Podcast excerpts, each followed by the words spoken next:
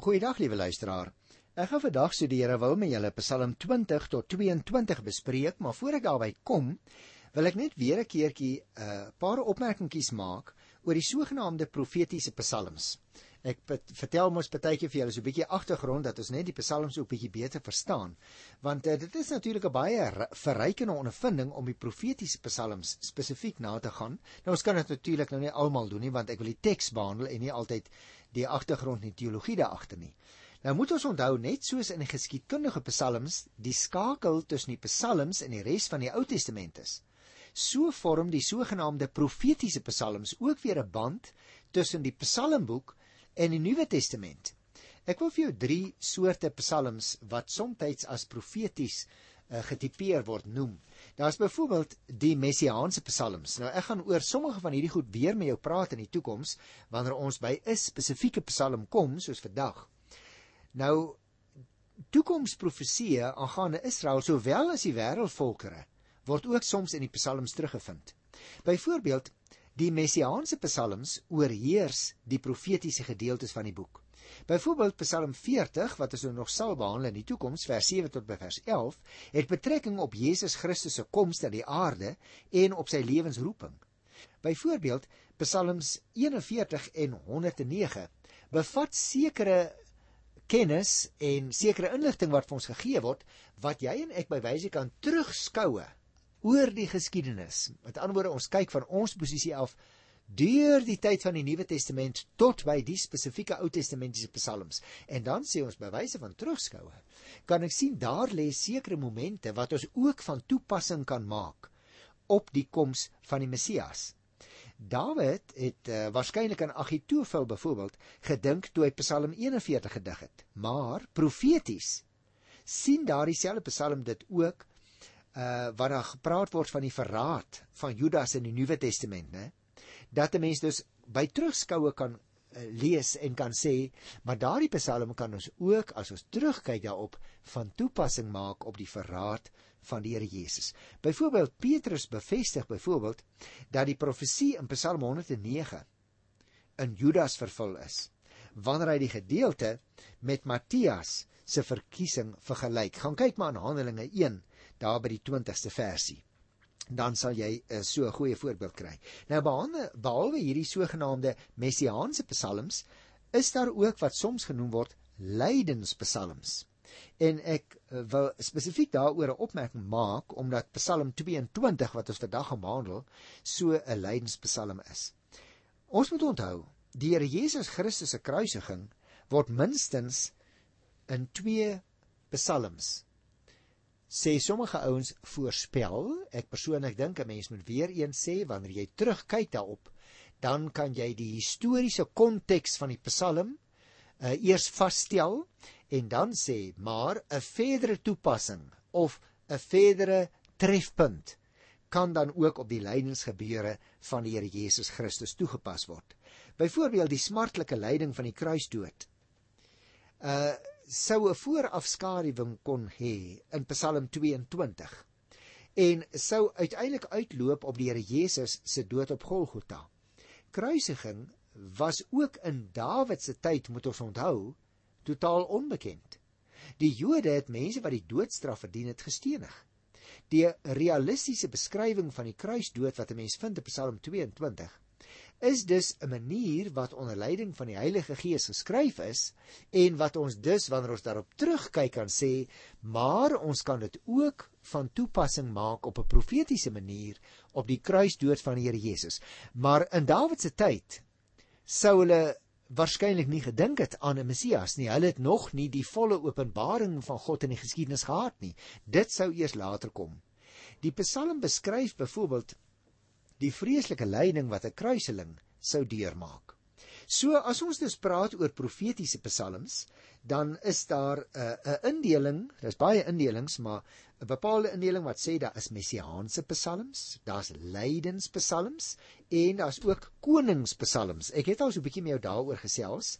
Uh, Psalm 16 toe ek dit behandel het, het ek dit nie gesê nie, maar dit is ook 'n goeie voorbeeld van 'n koningspsalm, terwyl Psalm 20 wat ek nou nog gaan behandel ook 'n voorbeeld is van 'n koningspsalm.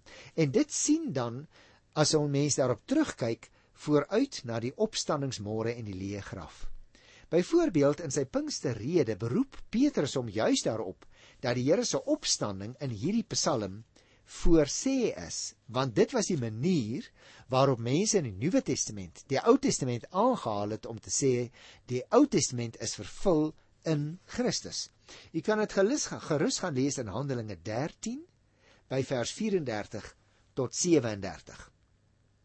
As 'n mens byvoorbeeld ook kyk na Psalm 89 132, dan word daar ook verwys na die koningshuis van Dawid Nou weet ons wat die Here voorspel het in 2 Samuel 7, naamlik dat Dawid nooit iemand sal hê wat sal ontbreek op sy troon nie.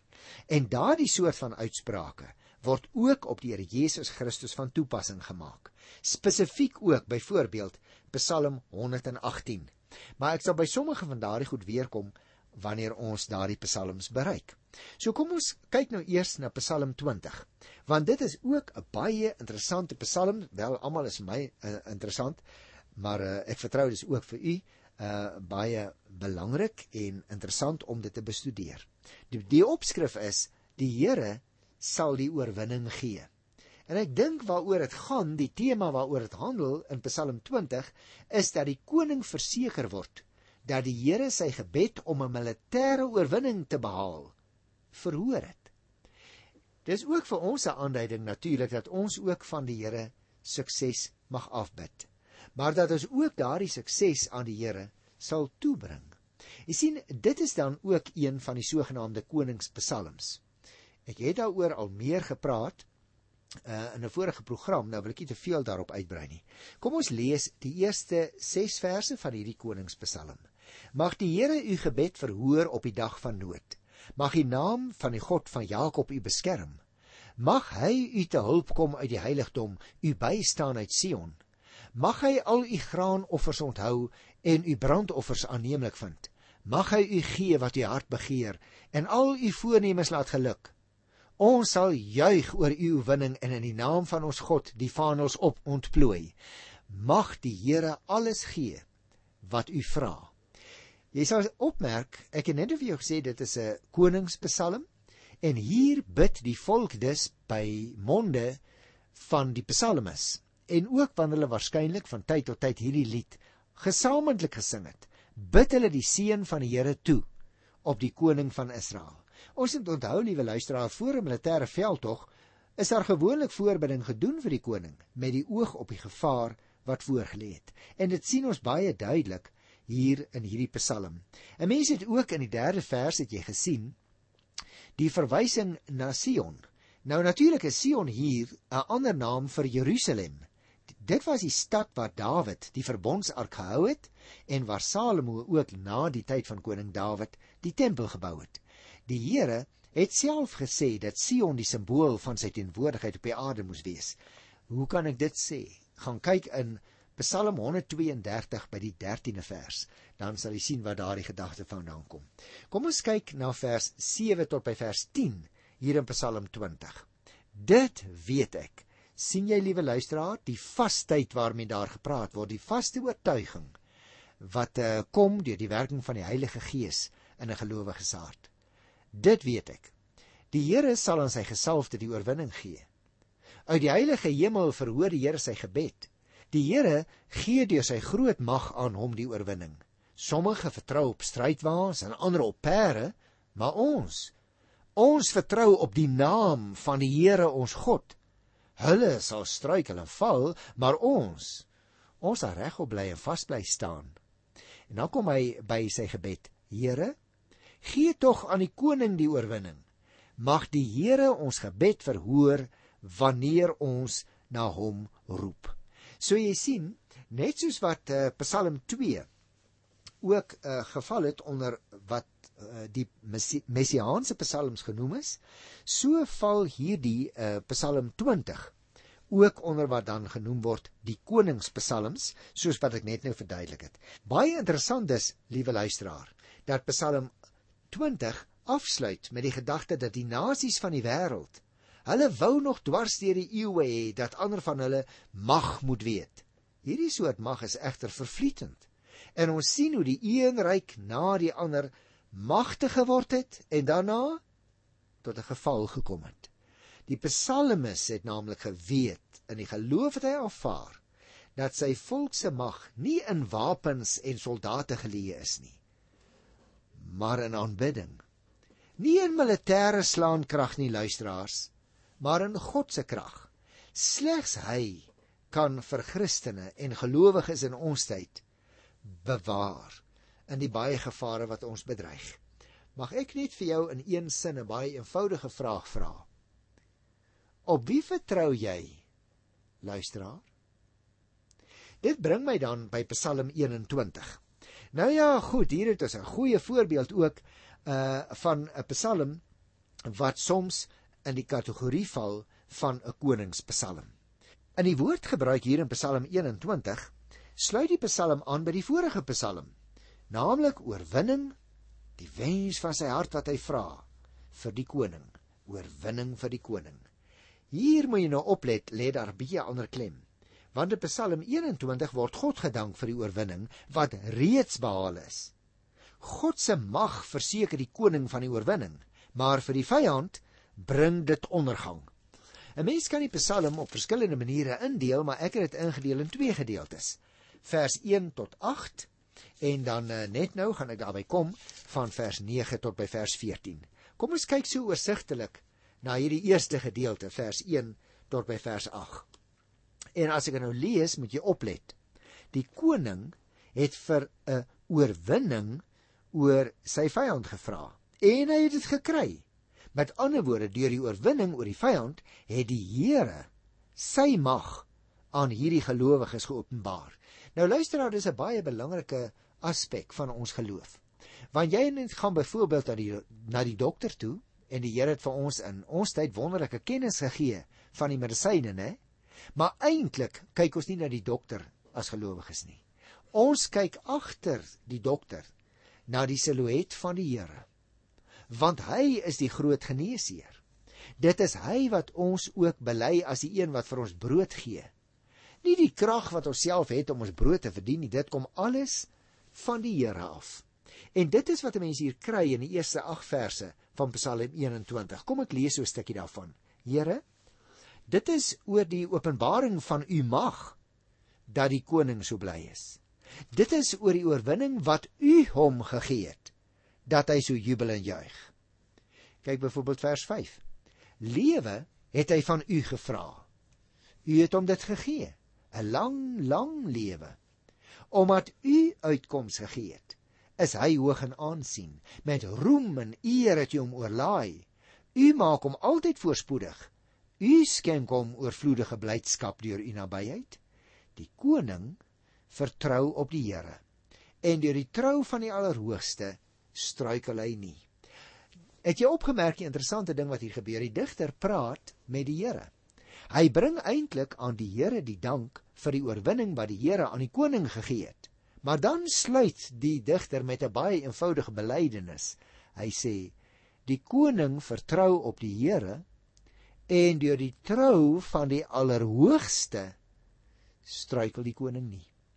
Met ander woorde, die belydenis wat hy wil maak is: kyk na die koning, kyk hoe suksesvol is hy. Maar onthou, hy is 'n kind van die Here. Hy veg in die naam en in die krag van die Here. Daarom wy ons ook die oorwinning nie aan die koning toe in die eerste plek nie. Hy was net die instrument. Ons bring die eer aan die Here. En dan die tweede gedeelte van Psalm 21 vers 9 tot by vers 14 Daar kry ons ook nou weer 'n ander faset wat nou voorkom, naamlik dat die Here die vyand vind en straf. Dis nie die koning nie. Dis die Here wat die vyande vind en hulle straf deur sy groot mag. Hy straf hulle tot in die derde geslag, sê vers 11. Die Here straf hulle omdat hulle gevaar is vir sy koninkryk, volgens vers 12. En daarom aan die einde in vers 14 sal jy sien Die digter roem die Here vir sy mag. Maar goed, kom ons lees dit dan sal ons dit baie mooi kan sien hier in Psalm 21 van vers 9 af. U hand sal al u vyande vind. U regterhand sal die haters tref. Wanneer u verskyn, Here, sal u hulle verteer soos in 'n oond. In u toren sal u hulle vernietig en die vuur sal hulle verteer. U sal hulle kinders van die aarde af verdelg en die mensheid verlos van hulle nageslag as hulle kwaad teen u beraam. Bose planne uitdink, sal hulle niks uitrig nie. Wanneer u met die boog na hulle mik, slaan hulle op die vlug. Laat u mag see vier, Here, dan sal ons u krag besing en daaroor roem. So jy sien waaroor ons nou gepraat het, word baie pragtig bevestig hier in Psalm 21. Waar hy sê dit is die Here wat die oorwinning gee. En daarom lê hulle roem nie in eie krag of in wapengeweld waar hulle self die wapens gemaak en gebou het nie, maar vir hulle kom die oorwinning en die krag van die Here af. Mag ek weer vir jou 'n vraagie vra? Wat kom daar uit jou mond, liewe luisteraar, as mense na jou luister?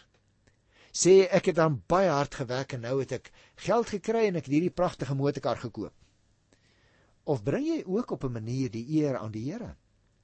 Wat vir jou die krag gegee het om die geld te verdien om die kar te koop. Jy sien dit is 'n kettingreaksie. Die Here gee die krag, dan verdien ek geld, dan kan ek 'n motor koop. Maar dikwels kyk ons net hier na die eindresultaat. Ek koop die motor want sê ek ek het baie hard daarvoor gewerk. Ek koop hierdie duur motor want ek verdien dit eintlik. Ek het mos hard gewerk. Nou, liewe luisteraar, ek wil nie sê mense verdien nie 'n motor nie. Maar daar kom 'n ander aspek by. Is ek in die op dieselfde manier dankbaar teenoor die Here wanneer dit by my dankoffer kom? Ah, jy sien dis dikwels 'n ander saak. Want as ek sê ek het hard gewerk, nou kan ek 'n motor koop. Dan moet ek dalk ook sê maar ek moet kyk na my dankoffer. Want dit moet deel van my dankbaarheid teenoor die Here wees. Hoe staan dit met u? Hoe staan dit met my? Liewe luisteraars, want ons vergeet hierdie goed tog so maklik. Nou ja goed, nou gaan ek so 'n bietjie oor na Psalm 22 toe en ek het vir jou net nou gesê 'n mens kan die psalms volgens verskillende groepe indeel. En daarom het ek so 'n bietjie opmerkings gemaak oor messiaanse psalms, oor koningspsalms waarvan ons nou een maandelik en ook oor lydenspsalms. Ek het reeds iets daaroor gesê, maar ek dink Psalm 22 wat ek nou gaan behandel, is een van die heel beste voorbeelde van 'n sogenaamde lydenspsalm wat ons in die Bybel kry, juis omdat ons vanuit Nuwe Testamentiese perspektief terugkyk op die Psalm en sê, "Ah, ek sien 'n bepaalde profetiese moment daarin wat my tog laat dink aan die Here Jesus Christus en sy lyding." Met ander woorde, hierdie soort van ding kan 'n mens eintlik beter doen by wyse van terugskouing as wat daardie mense daar kon staan destyds en vooruit gekyk het en presies verstaan het wat hulle bedoel het. Maar goed. Kom ons kyk na Psalm 22. Die opskrif is U het my gebed verhoor. Nou as jy vir my sou vra waaroor gaan dit, dan sou ek eers 'n paar breë opmerkings wou maak om vir jou te sê, hierdie Psalm beskryf die lyding. Maar as jy mooi kyk, beskryf dit ook die dank van iemand wat swaar gely het en deur die Here van sy smart verlos is. Dit pas natuurlik, soos ek nou herhaalde kere probeer sê het, ook baie goed om dit van toepassing te maak op die lyding van die Here Jesus Christus. Dit lyk vir my ons moet dus versigtig wees om selfs ook 'n lydenspsalm soos die een wat hier in Psalm 22 beskrywe word om net daarin die lyding te sien sonder om die dank op te merk wanneer die Here vir iemand uitkoms gegee het van sy lyding. Die woordkeuse luisteraars in die taalgebruik is ook so oorkoepelend dat dit nie net die lyding van 'n sterflike mens uitbeeld nie. Dit kon ewe goed 'n beskrywing gewees het van die lyding van Christus. Luister 'n bietjie hoe begin die Psalm in vers 1. Ek is by Psalm 22 vir die koorleier op die wysie van die wilsbok van die Daraad. 'n Psalm van Dawid. Nou ek het al met jou gesels oor die opskrifte in die psalms wat eintlik heel besonder is. Nou word hier spesifiek gepraat van die wysie waarop hierdie lied gesing is, want onthou die psalms was liedere wat gesing is. Naamlik die lied klink 'n baie idilliese lied, die wilsbok van die Daraad. Nou blykbaar luisteraar is die psalm op die wysie van 'n alledaagse liedjie gesing, want die wilsbok van die Daraad praat tog van doodgewone dinge elke dag. Luister byvoorbeeld na vers 2 en 3. My God, my God, waarom het u my verlaat en bly u ver as ek om hulp roep?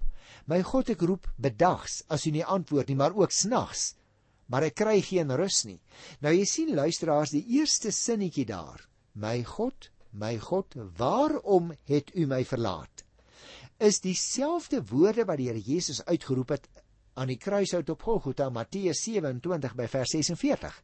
Juist daarom het Psalm 22 van vroeg in die geskiedenis af reeds die merk gekry van dit is 'n lydenspsalm of soms ook selfs dit is 'n messiaanse psalm. En as 'n mens nou na daardie woorde kyk wat die bidder gekies het, die psalmdigter gekies het, dan kan jy dit baie goed verstaan. Kyk by vers 4 tot 6. U is tog die heilige wat woon waar die lofsange van Israel weer klink. Op u het ons voorvaders vertrou. Hulle het vertrou en u het hulle gered. Hulle het na u geroep om hulp en hulle is bevry.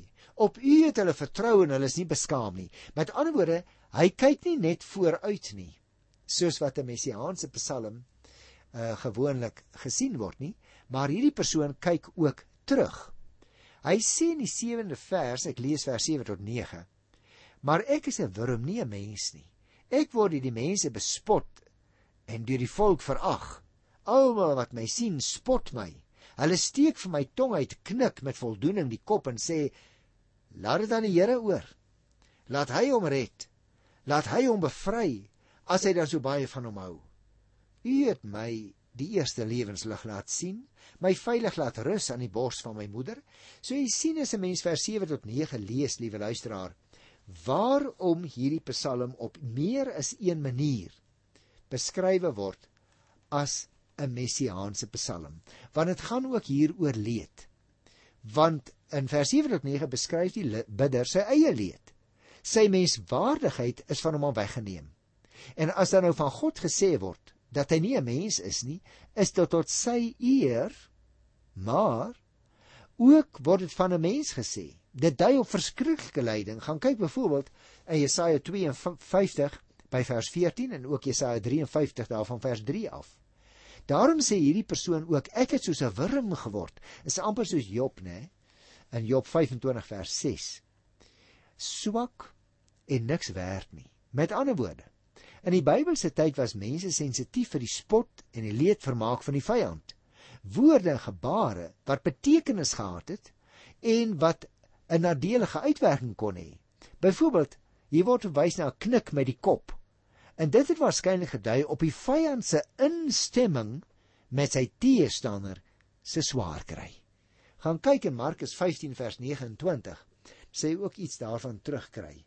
Ehm um, die opmerking in die 9de vers natuurlik uh, is so 'n bietjie fyn spot as daar gesê word laat hy hom red laat hy hom bevry as hy dan so baie van hom hou. Met ander woorde daar word op 'n spottende wyse na God verwys wat hierdie persoon moet verlos. Presies dieselfde wat ons kry in die Nuwe Testament wanneer daar gesê is nou ja as hy dan die seun van God is laat hy afkom en laat God hom van die kruis afhaal dat hy vry kan uitgaan. So mense veral as hulle nie gelowiges is nie, maak soms 'n bespotting van dit wat jy en ek glo. Maar liewe luisteraar, dit moet ons glad nie onseën nie. Dit was van die vroegste tye af so. Ek wil net ten slotte 'n uh, aanhaling lees uit die laaste gedeelte van Psalm 22. En ek lees hier by vers 30.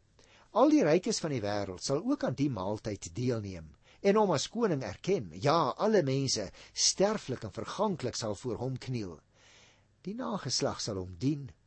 Hulle sal van die Here vertel in die volgende geslag.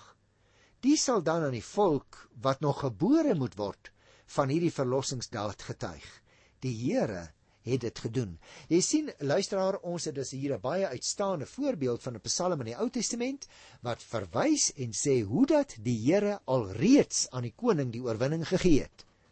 Maar wat dan ook vooruitwys in die geskiedenis, hoewel die mense van daardie tyd dit nie verstaan het nie. Dit sê ons as ons terugkyk op die geskiedenis.